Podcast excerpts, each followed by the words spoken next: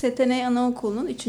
podcast dizisinin 3. podcast'i bu. Evet 3 oldu. Öyle mi? Ne çabuk. 3 oldu. Ee, bugün yine okulumuzun psikoloğu sevgili Aysun Bal'la birlikteyiz. Merhabalar. Ee, evet Aysun'la podcast çekimi öncesi biraz konuştuk ne konuşalım diye. Ee, bir iki konu belirledik. Bunlardan biri iyi ebeveynlik. İyi ebeveyn olmak için velilerimizin çoğu e, nun tek çocuğu e, öğrencilerimiz veya çalışıyorlar. Eskisi gibi 20 ve destek de almıyorlar çoğu. Eskisi gibi 20'li yaşlarında e, anne ilk çocuğunu doğurmuş, işte dünyaya getirmiş, ikincisi daha orta yaşlarda olmuş gibi bir, bir süreç yok. O yüzden ebeveynlik de öğrenilen bir durum. Okul sürecin içine girdiği zaman başka, bambaşka şeylere dönüşebiliyor. Evet okul araya girince aslında daha konforlu bir evreye geçiş yapıyor anne babalar. Çünkü çünkü dediğin gibi hani öğrenilen bir şey ebeveynlik ve aslında her yüzyılda da değişen bir e, kuruma evriliyor ailede. Doğru. Evet. Yüzyıl başında mesela dadılar. Aynen e, öyle. İşte Tabii. çocuklar sadece 15 dakika evet. günde e, anneleriyle birlikte olabiliyorlar. Tabii. Bu Fransız dadılar zamanında. Hı-hı belirli saatlerde geliyorlar, annelerini görüyorlar, ondan evet. sonra e, ayrılıyorlar falan. Tabii. Bunda iyi ebeveynlik olduğu o zamanlar düşünülüyor. Aynen öyle. Ya da işte bakıyoruz mesela çocuk topluma e, teslim ediliyor daha çok değil mi? Hı-hı. Anne babanın dokunuşları çok az. Toplum şekillendiriyor. Belirli dönem ve belirli yörelerde. Tabii. Onunla ilgili de bir Çeçen grupla biz bir çalışmamız olmuştu. Onlar tamamen e, çocukların travmalarından vesaire konuşmuştuk. Orada ciddi çocuğun topluma bırakılması. Hı-hı. Çocuk zaten hani toplum toplum onu yetiştirecek. Hı hı. Anne baba bir şey yapamaz gibi evet. bir e, Tabii. şeyle karşılaşmış. E, Türk kültüründe de var, İsrail'de de var. Yani bu dönemsel olarak çok olmuş zaten. Hani bir bakıma da şöyle güzel, çocuk toplumun olunca hepimiz her çocuğa eşit özen gösteriyoruz. Şimdi ama işte bilimin gelişmesiyle vesaire hı hı. E, bir de bazen e, işte bizim bilimin, e, psikoloji biliminin de yan etkisi olan tek doğru varmışçı e, anne babaları e, kaygı yükledik aslında. İşte şöyle olmalı, böyle olmalı. Herkes kendi ekolünün doğrularını da yattı ve iyi ebeveynlik gibi bir e, kaygı pompasına dönüştü aslında. Hmm. Değil mi? Baktığımızda e, hiçbir şeyin olmadığı gibi bu konuda da öyle genel geçer bir doğru yok. Biz mesela gece emzirmesi çok önemli bu topraklarda ama batı kültürüne bakıyorsunuz onlarda gece emzirmesi çok fazla yok. Hı Ama oradaki insanlar da yaşıyor, buradakiler de yaşıyor. Hangisi sağlıklı diye tartışırsa tartışırız yani. bir tane doğru yok. Doğru bizim bir tanecik ve belki dönemsel doğrumuz olmalı. Yani bir kavrama sıkı sıkıya tutunup budur doğrusu ben bunu yapmalıyım. Şu an benim koşullarıma, şartlarıma hangisi uygun? Benim şu an hangisine ihtiyacım var? Nasıl davranmalıyım? Bana hangisi yakışır yani şu an davranış olarak? Aslında iyi ebeveynlik budur. Bunun içinde de anksiyete yok o zaman. E, tabii yok evet. Ama bunun için yine aynı şeyi söyleyeceğiz. Çünkü her şeyin cevabı o. Kendimizi tanımak. Ee, bunun başka bir cevabı yok. Çünkü dediğimiz gibi işte hangi toprakta, hangi zaman diliminde doğduğumuza göre değişen şeylerden bahsediyoruz. Belki 10 sene sonra bambaşka bir yere evrileceğiz ve biz bu podcast'i dinlediğimizde aa ne demişiz, nasılmış çok nostaljik gelebilir. Çünkü e, her şey çok hızlı değiştiği için 10 sene belki bu yüzyıl gibi algılanacak bir sürece dönüşecek muhtemelen. E, ki senin de başta söylediğin gibi hani annelerimiz 18 yaşlarında anne olurken artık bakıyoruz ki hani 30'larının sonlarına evet, doğru annelik e, başlıyor. Çünkü hayat da bu şekilde evir, evirtiyor insanları. Bir açıdan da şöyle güzel. insanlar kendilerini daha çok tanımış oluyorlar tabii. Aksi ne deniyor mesela bir üst kuşakta ben çocuğumla birlikte büyüdüm. Şimdi insanlar büyüyor biraz ve sonrasında bebek sahibi olmaya karar veriyorlar aslında. Büyük şehirde özellikle. Okul ekseninden bakarsak bizim çok iyi ebeveyn olmak için çok büyük gayret gösteren, aslında çok tedirgin olan, anksiyetesi genel olarak hayatının geneline yansıyan e, anne baba profillerimiz oldu ve onlarla ilgili de e, ufak tefek çalışmalarımız oldu. Evet, e, yardımcı e, olmaya çalışıyoruz. Üçüncü göz olunca fark edilebiliyor. Hı hı. E, ve her ebeveyn bir vakit buna dönüşebilir bu evet. gündelik hayatın hı hı. stresinde. Çünkü çocuklarımız çok biricik bizim için. Evet. Ve belki onlar için çalışıyorlar. Onlar için bir sürü şeyden fedakarlık yapıyorlar. Ee, ama bu anksiyete de çözülemeyen bir durum. gibi oluyor. Ee, o da niye aslında hani iş hayatımıza bakışımız, ilişkilerimize bakışımızla ebeveynliğe bakışımız aslında çok da farklı noktalarda olmamalı. Ee, çok da fazla yüklenmemeli işte anne babalar kendilerine. Hani sanki çocuk doğdu ve ben hani insanı kamil makamına sıçradım gibi bir beklentiye girildiği için anne babaların asla hata yapmaması, işte asla modunun düşük olmaması, asla hassas olmaması filan gibi kendilerinden doğaüstü beklentiler doğuyor haliyle. Yani her şey kusursuz yapmalıyım. Koşullar ne olursa olsun yokmuş gibi yaşayıp çocuğumu hep mutlu gibi bir aslında fantastik bir dünya tasarlamalıyım diye kendilerini baskı altına almalarının sonucunda yaşadıkları bir e, kaygı yaşıyorlar. Ve çocuklarının iyiliği için kendilerini soktukları bu kaygı haliyle içimizdeki ilk yansıtacağımız canlı da çocuk olduğu için çocuklarına yansıtmış oluyorlar. Biz de öyle bir noktada zaten devreye giriyoruz hani rahatlatıcı olarak. E, çünkü gerçekçi bir beklenti değil kendileriyle ilgili ve dediğim gibi hani iyi ebeveynlik diye bir şey yoktur. E, yoktur derken tabii ki hani şiddetten, istismar ve ihmalden bahsetmiyoruz ama dönemsel olarak belli yoksunlukların yaşanması kadar doğal bir şey yok değil mi? Bazen iş hayatlarında çok zorlu bir sürece giriyorlar ya da büyük yeni atılımlar oluyor ve yaşam enerjilerinin çoğu oraya akıtılıyor ya da ailede bir hastalık oluyor vesaire herhangi bir kriz de oluyor olabilir hiç önemli değil ne olduğu. Önemli olan her ne olursa olsun hayata bir şekilde o dengeli noktadan bakmak. Hani o noktada her şeyi kusursuz yapmaya çalışmak değil. Velilerimizi geren maalesef o oluyor. Ve her alanda yine olduğu gibi biz belli bir noktaya kaygılandığımızda asıl ana yerleri ihmal etmeye başlıyoruz. Mesela öz bakımı ihmal etmeye hmm. başlıyoruz kimi zamanda. Hani başka bir şeyi kontrol etmeye çalışırken hmm. çünkü bütün odağım oraya gittiği için diğer konulara e, verecek dikkatim kalmıyor ve aslında büyük şeyleri o noktada gözden kaçırmış oluyoruz. Bunları da zaten biz veli görüşmelerimizde yakalıyoruz. Çevreye güven. Ee, çocuk tacizleri oluyor. Her gün çok garip haberler. İşte bu şeker şey yapan çocuklar, toplayan çocuklar kayboluyorlar. Büyük insanlardan gelen taciz e, konularıyla her gün daha çok tanışıyoruz. Hı hı. E, bu da inanılmaz bir güvensizlik oluşturuyor çevreye karşı. Ama çocuğumuzu bazen emanet ettiğimiz vakitler biraz da güvenmemiz gerekiyor ki o en güzelini alsın. O en... Şimdi çok ekstrem vakalardan bahsedeceğim. E, bizim e, tabii okulda pek çok veli görüşmelerimiz oluyor. Çok değişik profilde insanları dinliyoruz.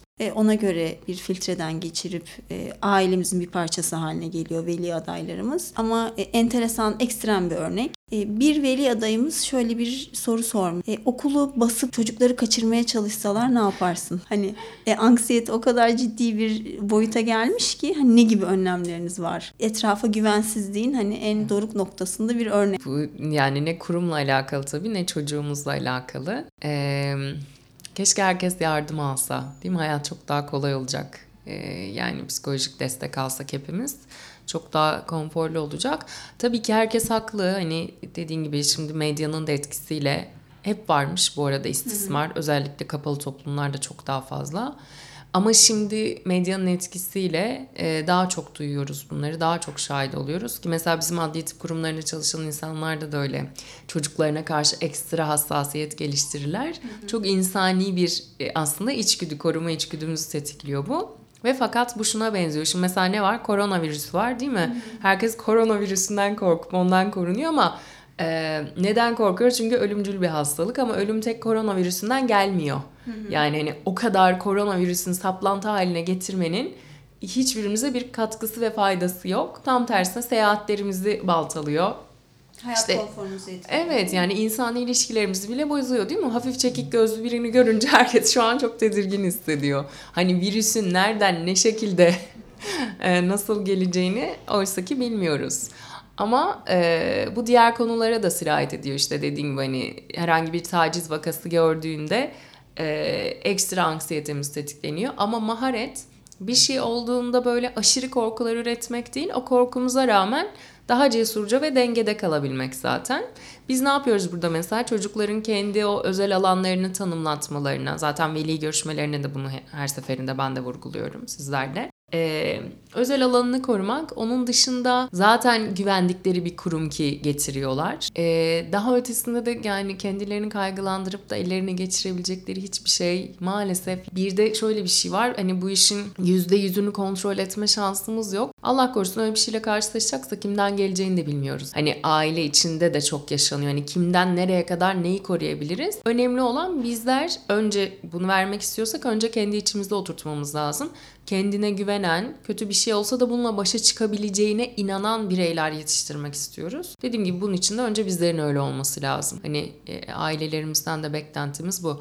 Tabii ki haklılar ama haklı olmak süreci doğru yönetmek anlamına gelmiyor. Bizim için yönetim kısmı daha önemli. O yüzden zaten bugünün ana başlığı kaygımız. E, bu kaygıyı da iyi yönetmeye hepimizin ihtiyacı var. Şimdi yönetmek ve kontrol etmek kelimeleri yan yana gelince bir de her şeyi kontrol etmeye çalışan bir anne baba örneği, ebeveyn örneği var. Bu da kaygıyı çok tetikliyor. Bununla ilgili yani yüzde yüz kontrolü sağlamaya çalışan bireyin kendini rahatlatmasıyla ilgili bir öneri, bir, bir, bir yöntem, bir şey var mı? Hani bir reçete mutlaka olmayacak ama en azından bir tavsiye olabilir. Şöyle e, e, aslında şu noktada bir ters köşe oluyoruz hepimiz. E, bir şey kontrol etme dürtümüz bizi kaygılandırıyor.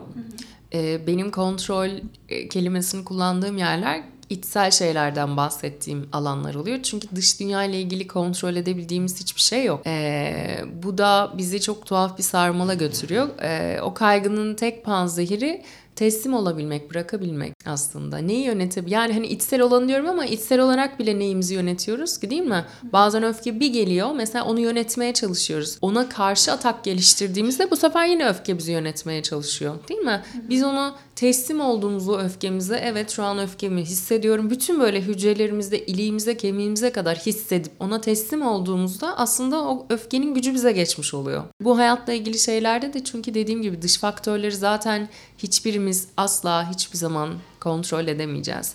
Kontrol ediyoruz zannıyla yaşıyoruz. Yani bu hani uçağa binip de uçaktan korkan insanların e, fobisi gibi yani orada kontrol söz hissediyorlar. Oysa ki zaten araba kullanırken de kontrol onlarda değil. Sadece öyleymiş gibi yaşayabileceğimiz daha çok data var elimizde. Direksiyonu sağa kırdım, sağa geçti, frene bastım ama o anda e, benim bir, sağlık problemim çıkabilir, basamayabilirim, karşı şeritten araba gelir, arabaya bir şey olabilir, motor arıza verebilir vesaire ama sanki bunlar olmayacakmış gibi yaşıyoruz. Oysa ki olabilir. Hani böyle bir gerçeklik var yani her şey göründüğü gibi değil ki. E, uçakta kontrolsüz hissediyoruz. Hiçbir farkı yok aslında. Yani beynin oyunları bunlar. Hı hı. O yüzden hani bunun panzehiri teslim olabilmek. Evet. evet. o da zor bir şey ama. Çok zor bir şey tabii ki. Çok zor bir şey. En azından neyi kontrol etmeye çalıştığımızı veya kontrol etmeye çalıştığımızın farkında olup onu etiketleyip belki evet. bu bunu ben kontrol etmeye çalışıyorum hı hı. ve bu bana bende kaygı oluşturuyor hı hı.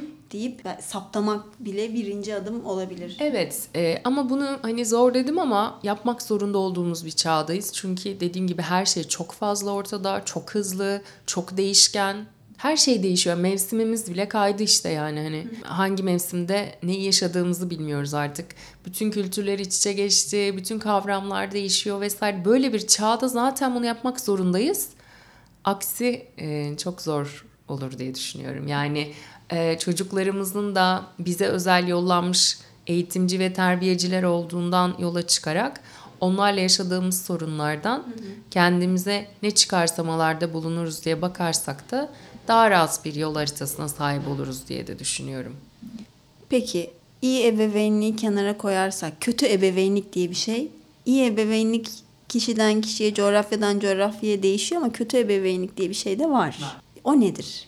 Ee, tabii ki en başta hepimizin aklına herhalde istismar vakaları geliyordur. Hani Hı-hı. duygusal olarak, fiziksel ve cinsel olarak e, istismara e, maruz bırakmak çocuklarımızı ya da e, maruz bırakılmasına seyirci kalmak. Hı hı. İstismar deyince hep böyle ekstrem vakalar geliyor akla. Ama gündelik hayatımızda fark etmeden biz de hı hı. bazen istismar edebiliyoruz çocukları duygusal olarak vesaire. Bir örnek alabilir miyiz ona? Yani Ee, çok gündelik, çok genel. Şöyle e, yani böyle şimdi çok şey oldu. çok suçlu hissettirecek bir e, cümleye de girsin istemiyorum da e, tabii ki yapıyoruz. Yani hepimiz birbirimize yapıyoruz. Özellikle bu topraklarda çok çok çok yapıyoruz ve bu kesilmiyor maalesef. Mesela ne yapıyoruz? Aa, Biz bir şey istiyoruz. Yani bu dediğim gibi çocuklar üzerinden konuşuyoruz ama aslında bir kendi aramızda da çok yaptığımız bir şey maalesef. Ya ama ben senin iyiliğin için böyle düşünmüştüm. Ya da işte e, kendi bireysel hak, seçim hakkını kullanan bir çocuğa e, yine aynı cümleyle manipüle etmek, ona suçlu hissettirmek ya da onu korkutmak. Hmm, böyle seçtin ama işte bakalım hani ne olacak? Siz onu orada hop kaygıyı bırakıyorsunuz. Aslında bombalıyorsunuz onun bilinçaltını. Hop geri çekiliyorsunuz. Sonra karşısına geçip yo yo ben seni destekliyorum yapabilirsin diyoruz sonrasında. Ama gözümüzden, kaşımızdan her yerden endişe akıtıyoruz karşı tarafa. Aslında bu da bir istismar. Ama bunlar bizde çok önemli gibi görünmediği için aile içinde maalesef çok fazla olduğu için e, hani büyüye saygı filan e, şeylerin arkasına da maalesef çok e, yani saptırılan bir konu. Kimsenin çok girmek istemediği bir alan ama ben e, Türkiye'de bunun çok büyük bir enerji israfı olduğunu düşünüyorum. Aile içindeki bu duygusal kancalarımızın. E, istismarsa bu da bir istismar maalesef işte. O nedenle ne oluyor sonra? E, anne babasından boşanamayan aslında duygusal olarak onlarla evli olan çocukların e, devam ettirip yani kuramadığı evlilikler oluyor işte. Hani çiftler yan yana ama bir arada olamıyorlar bir türlü gibi. E, hani bu daha genel ve çok bir şey oldu. Kötü ebeveynliğe geri geri gelirsek. Hani böyle ince açıdan bakarsak duygusal istismara bayağı bir alanımız da var tabii. Ama o kadar da girip şimdi şey yapmayalım. Anksiyete yükseltmeyelim. Kötü ebeveynliğe girersek e, kendi o karanlık duygularımızı çocuğa akıttığımız her alan. Peki özgür çocuk yetiştirmek ile ihmal arasındaki sınır.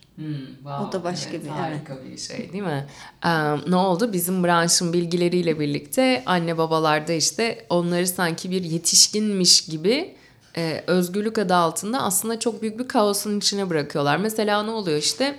Çok basit bir örnek e, gördüğümüz. Ee, ne istiyorsa onu giysin. Şimdi bu özgürlük değil aslında. Çok kafa karıştırıcı bir şey. Çünkü o çocuk için daha düşünün yeni gelmiş dünyaya. 3D dünyayı tanımlamaya çalışıyor. İşte her şey tuhaf onun için. Yani oksijen bile tuhaf, nefes alması tuhaf, yemek yemesi, yemeklerin rengi, tadı, diyalog kurmak birileriyle, ne bileyim e, rüzgarı hissetmek, üşümek her şey çok ilginç. Yani ilk kez geldiği bir yer sonuçta yeni bir aleme doğmuş. Aa, ve siz ona diyorsunuz ki ne istiyorsan onu giyebilirsin. Hani iki yaşında bir çocuk. Şimdi iki yaşındaki bir çocuk kışın ya mayosunu da giymek isteyebilir ve bu hiç de tuhaf bir şey değil onun beyni için. Çünkü canı o gün onu istiyor. Bu o çocuğa tanımladığımız bir özgürlük değil. Aslında tam tersine kafa karıştırıcı, dünyayı daha kaotik gösterecek ve neyi neden ne yapıp ne yapamadığını anlamlandıramayacak bir yere çevirmek oluyor bu.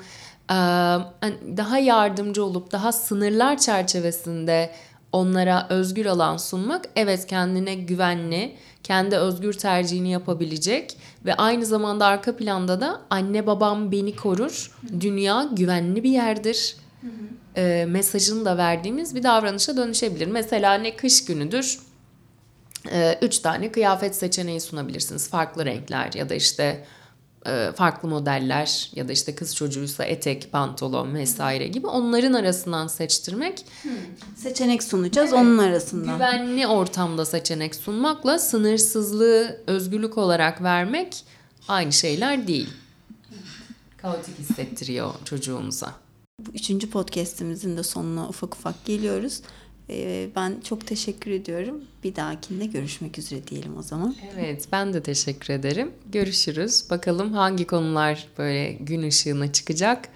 Biz de onları konuşma ihtiyacı duyacağız. Setenay Anaokulu'nun üçüncü podcastinin sonuna geldik. Özellikle bizi araçlarına dinleyen velilerimize e, sevgilerimizi gönderelim Evet. tekrar. E, bundan sonra birkaç yeni e, sınıftan sesler diye ufak podcast uygulamalarımız olacak. Orada ufaklıklarımızın, miniklerimizin e, sezonla ilgili işte o e, çalıştıkları konuyla ilgili, mevsimlerle ilgili sohbetlerini dinleyeceğiz. Gündelik dinleyiciler için çok keyifli olmayabilir ama aileler için e, evlatlarının sesini duymak ayrı bir keyif olsa gerek gün için. O nedenle e, bizi takip edin diyelim. Görüşmek üzere.